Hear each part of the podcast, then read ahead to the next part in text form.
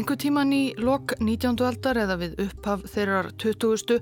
að því talið er fór maðurinn í skó einhver staður í mið-Afríku og veiti apa eða kannski fann hann apan dauðan á skóarbotninum. Allavega við að handleika hrægið eða þegar maðurinn ónemdi lagði sér apakjötið til munns fekk hann um leið veiru sem þá fannst í öpum en hafði ekki áður tekið stökkið yfir í menn veiru sem varð síðar þekkt sem HIVAF, valdur að einhverjum hryllilegasta smittsjúkdómi síðari ára alnæmi. Apakjött getur verið viðsjárvert. Við vitum til dæmis líka að ebólu varð fyrst vart í mannskeppnum í afskektu smáþorpi í skólendi Östur Kongo og þeir fyrstu sem veiktust höfðu líklega lagt sér til munns kjött af öpum og abatnir höfðu líklega fengið veiruna eftir bit ávaksta leðurblöku.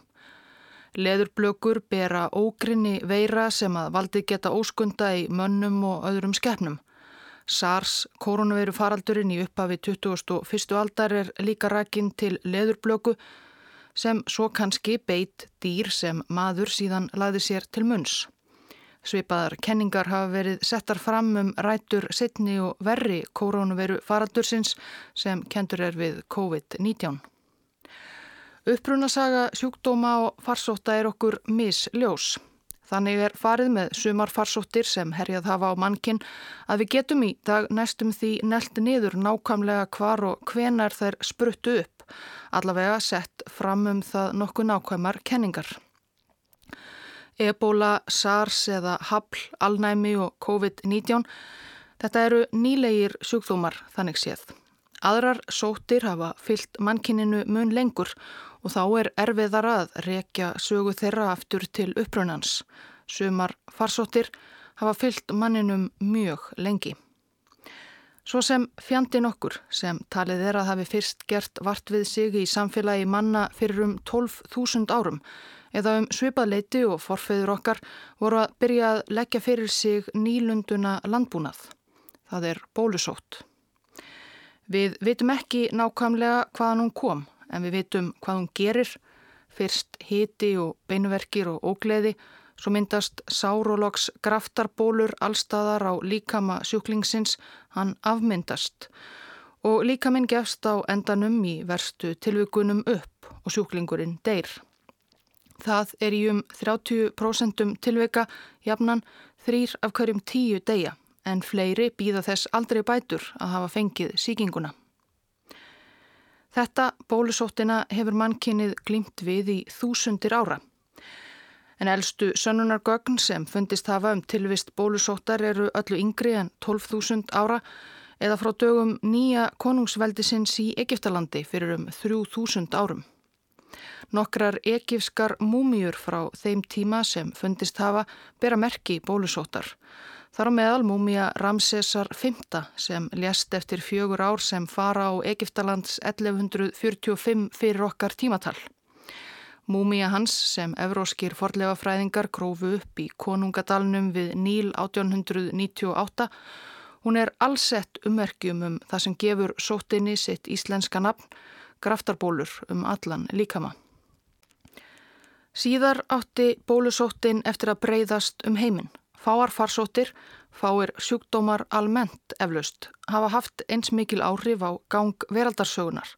Bólusóttin sem Evrópumenn fluttu með sér til nýja heimsins varð miljónum frumbyggja að bana og lagði heimsveldi Azteka og Inga. Íbúar Ameríku álvana hrundu niður úr þeim áður óþekta sjúkdómi. Þegar komið var fram á átjánduöld var bólusótt enn einn helsta dánarársök Evrópabúa og mörg hundru þúsund fjallu á ári hverju. En nú er bólusótt ekki lengur neinn ógn, þessi forni fjandi fyrirfinnst raunar alls ekki. Og rót þess er einmitt að finna á átjánduöldinni.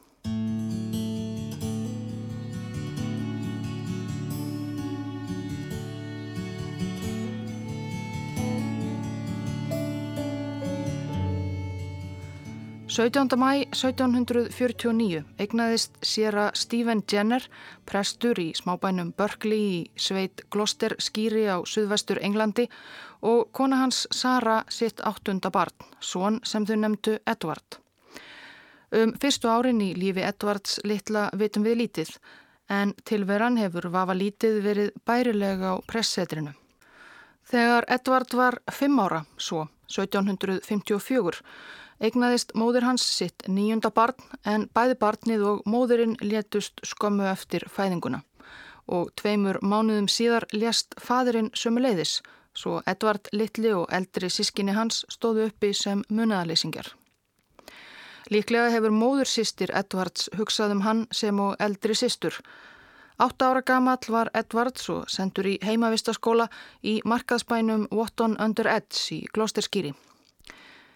Það sama ár, 1752, letust að minnstakosti 3538 englendingar úr bólusótt. Lækning við sjúkdómnum var engin. Bólusóttin dróðum fjórðung eða þriðjung þeirra sem smituðust til dauða almennt. En menn höfðu þó lært ímislegt á þessari mörg þúsund ára samleið með sóttinni. Vitað var að menn gáttu ekki síkst af bólusótt tvísvar. Þeir sem að lifðu hana af gáttu ekki fengið hana aftur. Það var með þá vittnesku að leiðarljósi að menn fóru að gera tilraunir með að síkja fólk vísvitandi af sóttinni til þess að búa gaggjert til ónæmi.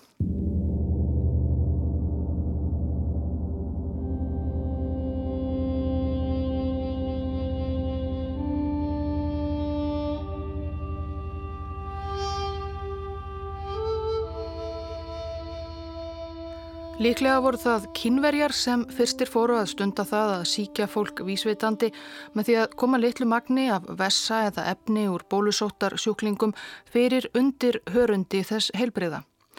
Svo virtist sem þeir sem smituðust á þennan hátt yrðu upp til hópa ekki eins veikir og þeir sem smituðust náttúrlega, nokkuð sem menn hafa líklega uppgötvað óvart.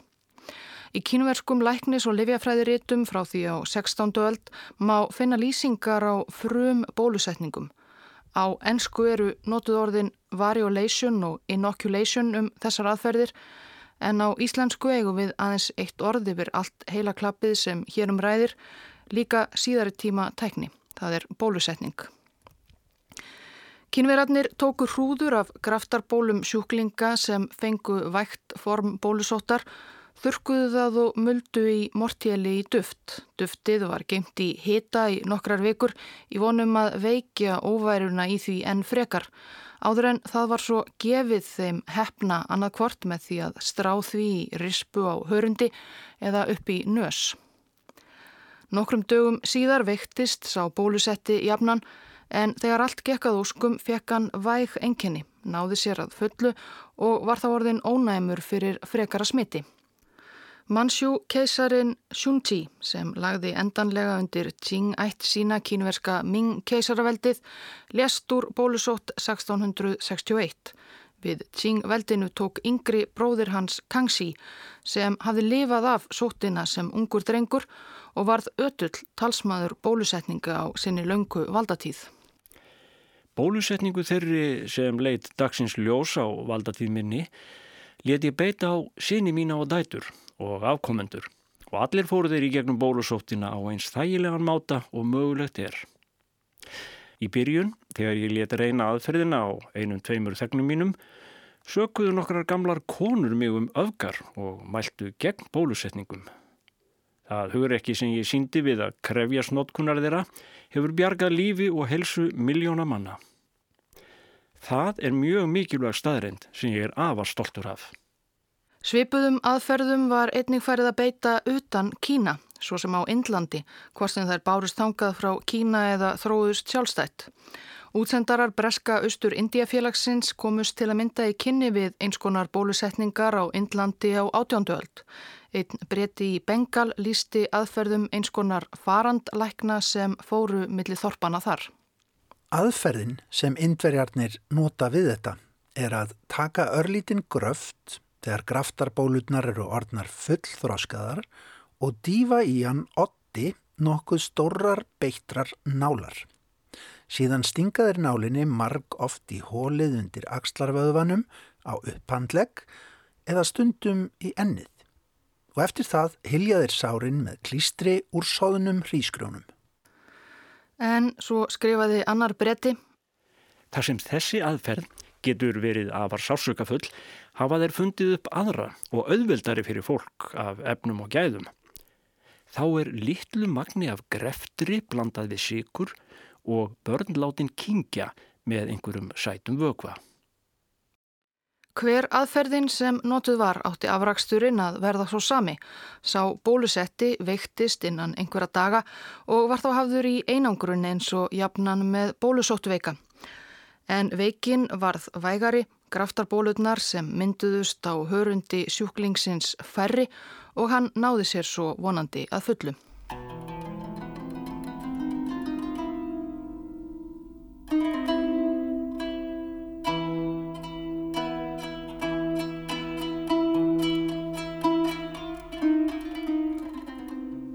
Líklegast frá Indlandi hefur vittneskjan um bólusetningar borist til Tyrkjaveldis.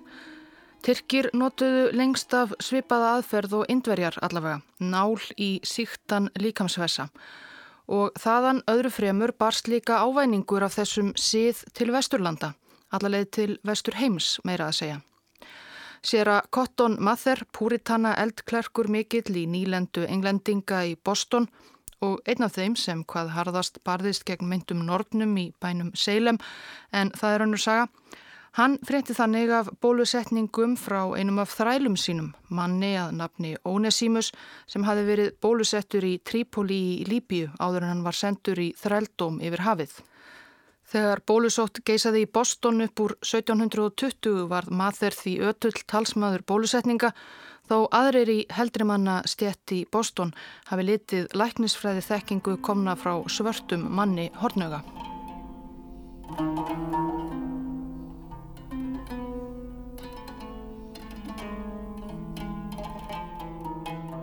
Talandum farsóttir. Ég skal segja þér nokkuð sem ég er vissum að fær þig til að óska þess að þú værir hér.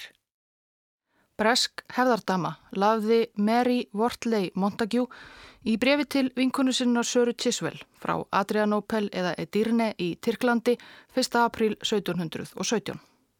Lafði Mary var eiginkona Edwards Wortley Montague sendi herra bretta í Tyrkjaveldi og þau hjónin voru þarna nýkominn til landsins í fyrsta sinn. En nokkrum árum áður hafði hún mist yngri bróður sinn úr bólusótt. Hún hafði sjálf smittast en komist af, en bar sjúkdómsins enn merki. Eitt sinn rómuð í ennsku yfirstjettinni fyrir fegurð var hún nú örum sett í andlitinu og hafði mist augnlokin. Nokkuð sem varð á vegi hennar þar eistra komin í því ánægulega á óvart. Bólusóttin, sem er svo lífsættuleg og útbreytt meðalvor, er hér alveg meinlus, þökk sé uppfinningunni ágræðslu það er það sem þeir kallaða. Það er flokkur gamalla kertlinga sem sjá um að framkvæma aðgerðina. Á hverju hausti í september, þegar mesti hitin er gengið niður, er fólk sendt út að komast að því hvort einhver vill fá bólusóttina. Gamla kerlingin kemur þá með nótskurn fulla af bestu sort af bólusótt og spyr hvaða æðmaður vilji fá hana í. Hún rýfur svo strax upp hörundið þar sem aður bendir henni á með stórri nál, sem er ekkert sásöka fullra en að fá smá skrámu, og setur í æðina eins mikið eitur og kemst á nálarott og bindur svo um sárið. Svona opnar hún fjórar eða fimm æðar. Nokkru síðar skrifaði Láði Meri, veiktist fólkið svo, hjælt sig þá fjari öðrum en náði fullum bata á nokkrum dögum og var stálslegið. Á hverju ári gangast þúsundir manna undir þessa aðgerð hér og franski sendiherran segir fúslega að þeir fái sér bólusjótt hér eins og við fáum okkur heilsudrykk. Það eru engin dæmu um að neitt hafi dáið af þessu og þú mátt trúa því að ég er svo vissum öryggi þessarar uppfinningar að ég ætla að láta reyna hana á litla seni mínum. Ég er slíkur föðurlandsvinur að ég ætla að leggja mig framum að gera hana móðins á Englandi.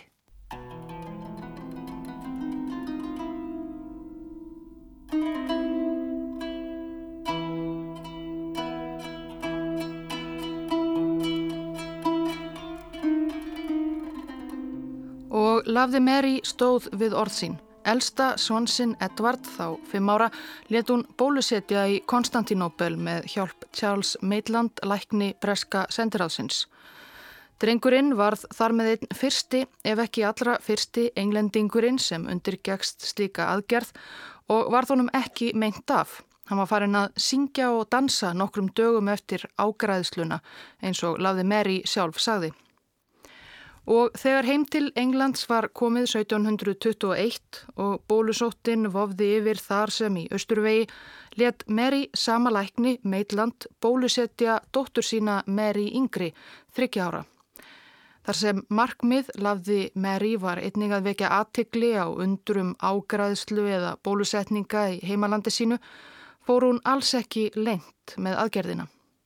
Uppóttækið vakti bæði aðtikli og nexlan, margir töldu þetta einfaldlega austræna hjátrú og fúsk, en Mary Littla náði sér að fullu eftir væg veikindi líkt og önnur börn sem Maitland bólusetti í framhaldinu. Smámsaman var því algengara í Breitlandi að síkja heilbrygt ungt fólk vísvitandi með vessum eða efni úr fólki sem var veikt af bólusótt. Fyrst voru það aðalega heldri manna börn og svo þjónustu fólk yfirstjættarinnar, svo það síkti ekki vinnuveitundur sína, en svo smátt og smátt einnig almúamenn og börn. Og nú skulum við snúa okkur aftur til Edvards Littla Jenner, átta ára munaðaleysingjans sem 1752 var að hefja námi heimavistaskólanum í Wotton under Edge. Þar var nefnilega til siðs að láta nýja nefendur undirgangast bólusetningu áður en þeim var sleft lausum á heimavistinni. Aðferðir breskra lækna höfðu breyst nokkuð frá því þeim myndu skottuleikningum sem lafði Meri lísti í brefi sínu frá Tyrkjaveldi. Læknarnir letu þá gerðnan sjúklinga búa sig undir aðgerðina með því að fasta eða losa sig við hvaðina óæskilegt úr líkamannum með uppkostum af óljósum ástæðum. Og Laði Meri hafði sjálf áhyggjur af því að landar hennar í læknastjett skæru hættulega djúb sári skjólstæðinga sína til að koma bóluefninu fyrir. Aðgerðin var því alls ekki alveg hættulegs og af og til letu einhverjir lífið eftir bólusetningu eða svona einn af hverjum 50. Það þótti þó betra en einn af hverjum fjórum eða fimm sem letu lífið af völdum náttúrulegs bólusótarsmits. Það var áhættunar virði. En vinnur Edvards Jenner síðar á æfinni sér að Thomas Fosbrook skrifaði síðar niður frásögn hans af því þegar hann var bólusettur átta ára. Jenner var rjóður og sællegur drengur og átt ára gamall var hann, eins og margir aðrir, látin gangast undir undirbúningsferlið við bólusetningu og undirbúningur stóð í sex vekur. Honum var látið blæða til að komast að því hvort blóðið hans væri í lægi, látin kasta upp hvað eftir annað þar til hann var magur og máttfærin, af mat fekk hann lítið en honum var gefinn drikkur til að gera blóðið sætara. Eftir þennan barbarisma var hann komið fyrir í einum af þessum venjulegu bólusetningar greipahúsum. Hóla þar nýður af öðrum jafn fárveikum þó enginn leti lífið.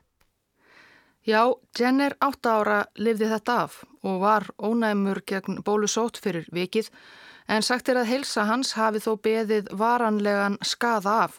Hann glýmdi lengi við svebleysi og heyriði ofhyrnir og varð aldrei aftur hjapn rjóður og sellegur og hann hafi verið sem ungur drengur.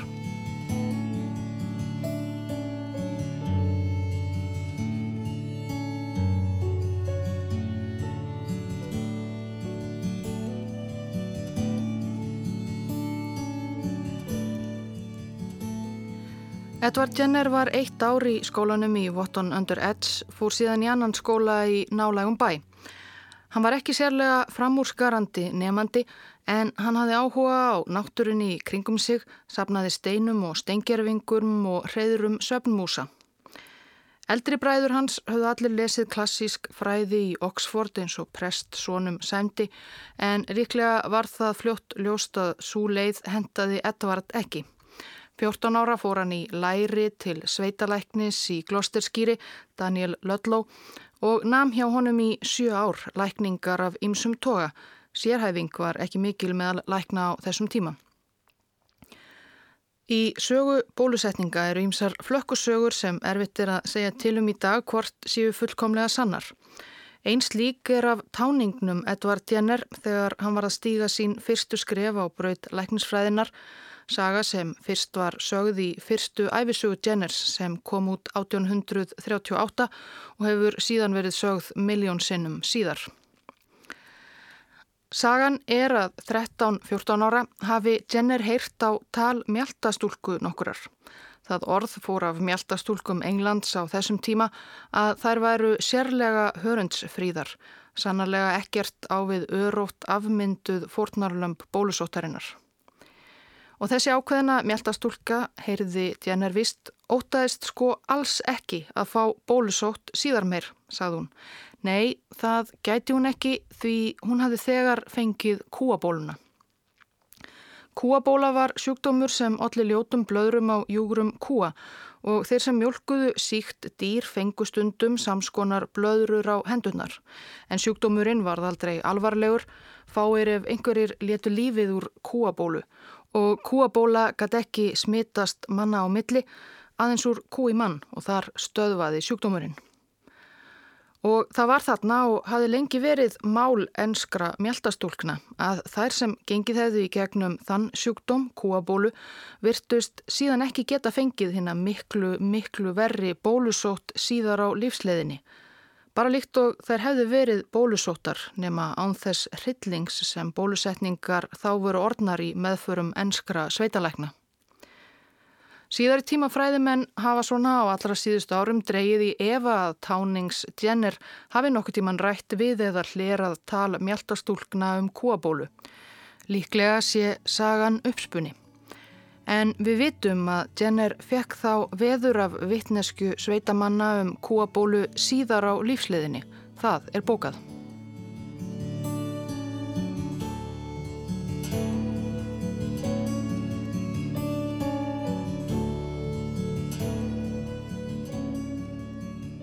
21 árs 1770 fór sveitastrákurinn Edvard Jenner til Lundúna þar sem hann nam læknisfræði við spítala heilags Georgs hjá fremstu læknum og lífræðingum Breitlands. En að loknu þryggjára námi sneri hann aftur heimi sveitina sína í Glosterskýri og varð heimilisleiknir í og við Berkeley, smábæinn þar sem hann fættist og ólst upp. Hann kunni betur við sig í sveitinni en stórborginni eflaust enda enn áhuga samar um allt náttúrunnar undur. Auk þess sem um er rætt hér í þessum þætti gerði hann merkar uppgötvanir á lífslaupi Gauksins og sérstaklega þeirri skringilegu og miskunarlausu hegðun þeirra að lauma ekkjum sínum í reyður annara fuggla. Þegar Gauks ungin hefur svo klakist út, sparkar hann ungum og eggjum fósturforeldra sinna út í opin döðan. Fyrir Gauks rannsóknir fekk Jenner yngöngu í konunglega breska vísindafélagið. Og í frístundum hafði hann svo líka áhuga á nýjum samgöngumáta sem var þá rétt í starthólunum loftbelgjum. En í vinnunni sem sveitalæknir syndi hann ímsu þar á meðal bólusetningum og af og til lendi hann í því með sjúklinga að bólusetning hans virtist ekki virka. Allt svo sjúklingurinn fekk engin enkenni bólusóttar, ekki einu sinni ofur væg og gætt því ómögulega talist ónæmur eftir á, eða hvað? Þegar Jenner rætti við kollega sína í nágreininu könnuðust margir við þetta vandamál. Til dæmis John Fuster, læknir og apotekari í Tornbury rétt spottakorn söður af Berkeley. Fuster skrifaði síðar um reynslu sína af því að reyna að bólusetja fólkið í Tornbury og nákrenni. Við komumst að því að fjölda sjúklinga var ekki hægt að smita með bólusóttareitri. Loks uppgötum við ástæðu þess að ekkert gekk. Það var við meðferð bonda sem við bólusettum mörgum mörgum sinnum án árangus. Samt fullvisaði hann okkur um að hann hefði aldrei áður fengið bólusóttina. En svo sagði hann. Ég fekk kúabóluna nýlega, ansi illa ef það skiptir einhverju. Við tókum þessa vísbendingu og við nánari skoðun komast við að því að þeir sem ekki var hægt að smita höfðu fengið kúabólu. Þeir Fjúster og Jenner tilheyrðu sama félagskap lækna í Glosterskýri sem hittist reglulega á krá þarna í sveitinni. Fjúster greinir frá því sömu frá sögn að hann hafi sagt læknafélugum sínum frá þessum uppgötunum sínum og ætla má að Jenner hafi lagt við hlustir, kannski frekar þarna en hann hafi 13 ára hlerað mjöltastúlkur. Eitthvað allavega var það sem vakti áhuga Jenners á kúabólu áhuga sem síst dvínaði með árunum.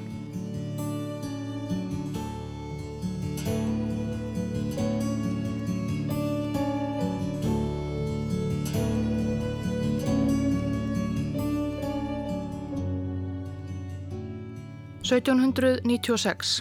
Edvard Jenner hafði þá verið læknir í Berkeley og nákrenni í næri aldar fjörðung. Hann var að nálgast 50 giftur maður og fadir sem átti þægilegt heimili og var vel liðin í sveitinni, gladlindur maður vist sem söng og spilaði á hljóðfæri í gleðskap en kunni ekki við að spila á spil. Árum saman hafði hann og veld vöngum yfir frásögn kollega síns á kráni um kúabóluna og möguleg tengsl hennar við bólusótt en ekki komist að neittni niðurstöðu. Þó svo bændur og mjöltastúlkur þekktu kúabóluna var hún frekar sjálfgef í sveitinni hjá Jenner svo hann fekk ekki mörg tækifæri til að stúdera hana. Þar til vorið 1796 að til hans kom Jú mjöltastúlka að nafni Sara Nelms og sagðist óttast að hún var komin með bólusótt. Jenner skoðaði hana og úrskurðaði að nei, þetta væri bara kúabóla og með hjálp Söru var hann ekki lengi að finna sökudólkin ef svo máð orði komast. Það var dökkleit hirnt mjölkurkýr, þæg og lagleg að nafni Blossom, blóma kannski á íslensku, af gloster kyni því sem er þaðan úr sveitinni og við er kent sánendur ostur. Kýr sem nú er líklega eins og frægasta í vísindasögunni. Því að þegar hann skoðaði kýlinn á hægri hendi Söru Nelms, þeirri sem hún mjölkaði með, ákvað Jenner að nota tækifærið. Hér var hann greinilega komin með kúabólu. Nú til að prófa kenninguna sem hann hafði gengið með lengi þurfti hann bara tilrunadýr.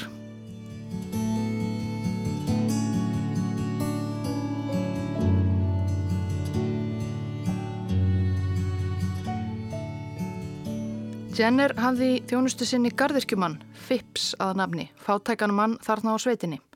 Sá átti són James sem árið 1796 var 8 ára, hraustur piltur. Og það var James litli Phipps sem Jenner ákvaðað erði tilrunadýrið. Hann ákvaðað bólusetja drengin með frjálsri nýri aðferð. Hvað föður James litla fannst um það fylgir ekki sögunni, það fylgir varla sögunni nokkuð staðar hvað fadir hans yfirleitt hétað fornafni og tilraun sem þessi er þið aldrei siðferðislega samþygt í dag. En 14. mæ 1796 skrapaði Jenner gröft upp úr kúabólu blöðrum á höndum mjöltastúlkunar Sörun Elms. Svo skar hann sár í handleggi James Little Phipps og makaði grefturinnum í opið sárin, svona svipað og hafi verið gert við hann sjálfan átta ára. Til eru all nokkrar teikningar og málverk af þessari sögulegu stund, flest allt gert löngu síðar. Sumverkin sína föðurlegan Jenner stinga kúabólugrefturinum varfærnislega í handleg pilsins. Aðrar sína hann krukka í handlegnum á hrættum buguðum pilti sem haldið er niðri af öðrum manni. En jájá, nokkrir dagar liðu, svo veiktist James Little Phipps og úr skrifum Jenners sjálfs. Á sjönda degi kvartaði pilturinn yfir óþægendum í handarkríka og á nýjunda degi var hann um nokkuð kallt. Hann misti matalist og var með vægan höfuverk. Allan þennan dag var hann greinilega slappur og var erðarlaus við nóttina. En daginn eftir virtist hann heil, heilsu. James virtist ekki hafa orðið meint af og veikindin greinlega nokkuð annað en það sem Jenner sjálfur hafði þurft að þóla á sama aldri. Svo sex vikum síðar, 1. júli 1796, var komið að setni hluta tilrunarinnar. Jenner tók drengin aftur og síkti hann nú vísvitandi með efni úr bólusóttarsjúklingi. Beigð svo nokkra daga Ekkert gerðist. Jenner skar hann aftur, ekkert og aftur og aftur. Loks þegar Jenner var búin að klína í drengin meira en 20 sinnum bólusóttar blóði eða greftri án þess að nokkuð virtist býta á hann var læknirinn fullu viss. Kúabólan væga sem hann hafi gefið James litla um vorið hafi gert hann ónæman fyrir henni miklu hryllilegri sístur hennar bólusóttinni. Þetta var eitthvað annað en barbarismin sem hann hafi sjálfur undirgengist sem barn. Edvard Jenner fannst ástæða til að búa til nýtt orð til að koma í staðin fyrir hið enska inoculation eða ágræðslu og það sem hann fann upp vísaði í uppruna hugljómunar hans vaccination úr latínu vakka kýr. Skinn gloster mjölkur kýrinar laglegu blossom er í dag til sínis uppi á vegg í bókasafni Læknaskóla Santi Georgs í Lundunum og eitt af hornum hennar má líka sjá á sapni tilenguðu Jenner í heimabæi hans Berkeley.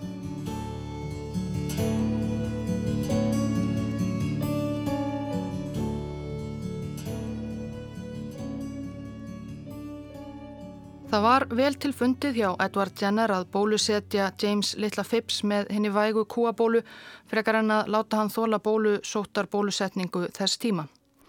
Reyndar var Jenner ekki sá eini sem fekk þessa hugdettu um þetta leiti undir lok átjöndu aldar. Fleiri læknar hafðu tekið eftir því í sínum sveitum, ekki bara í Breitlandi, líka í Þískalandi til að mynda, að kúabólan virtist veita ónæmi gegn bólusótt og gert við líka tilraunir. Það besta sem Jenner gerði kannski umfram aðra var að hafa ofur trú á eigin aðferð og leggjast í mikið kynningarstarf í kjölfarið. Næstu árin skrifaði hann um tilraunir sínar á FIPS litla og síðar fjölda annara. Fullt af greinum í læknaritt, helt marga fyrirlestra, var til að gera langa sögustutta ötull talsmaður þess að fólk væri bólusett með þessari auðveldu og örugu kúabólu aðferð. Svo ráðamætti loksins alminnilega niðurlögum þessa hryllilega vágjast sem bólusóttin var mannkinni.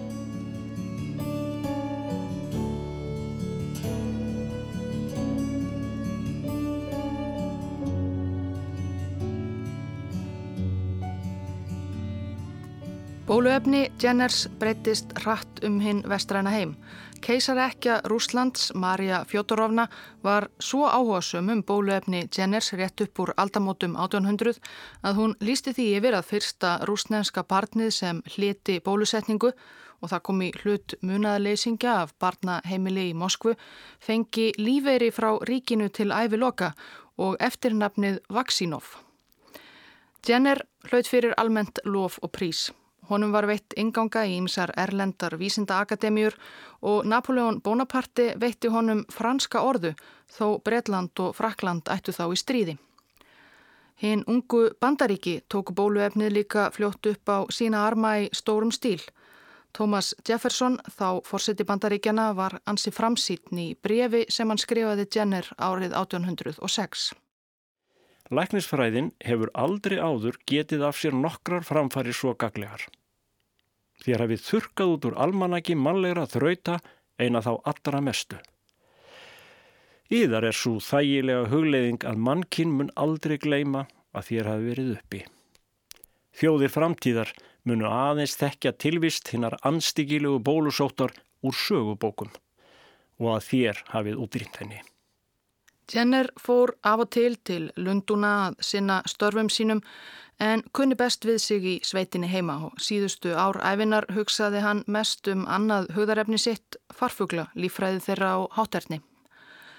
Af James Phipps sem fyrstur fekk bóluefni Jenners fer ekki mörgum sögum en hann virðist hafa átt ágæta æfi.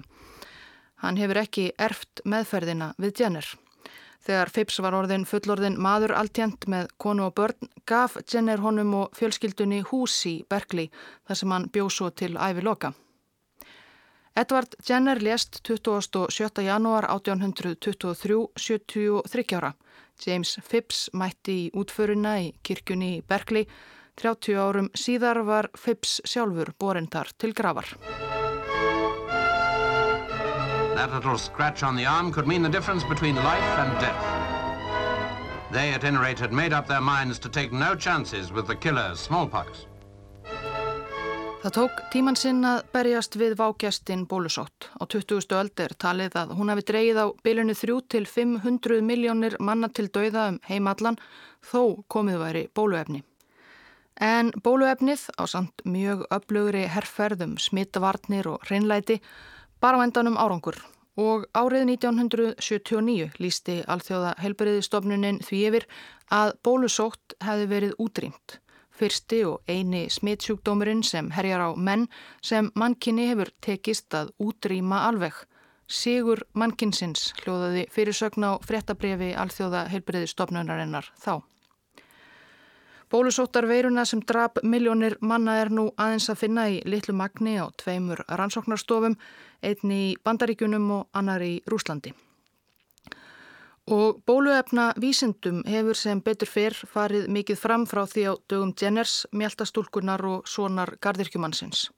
Í dag eru til bóluefni við ókjör sjúkdóma og öll eru þau miklu örgari en týðkaðist á 19. öld.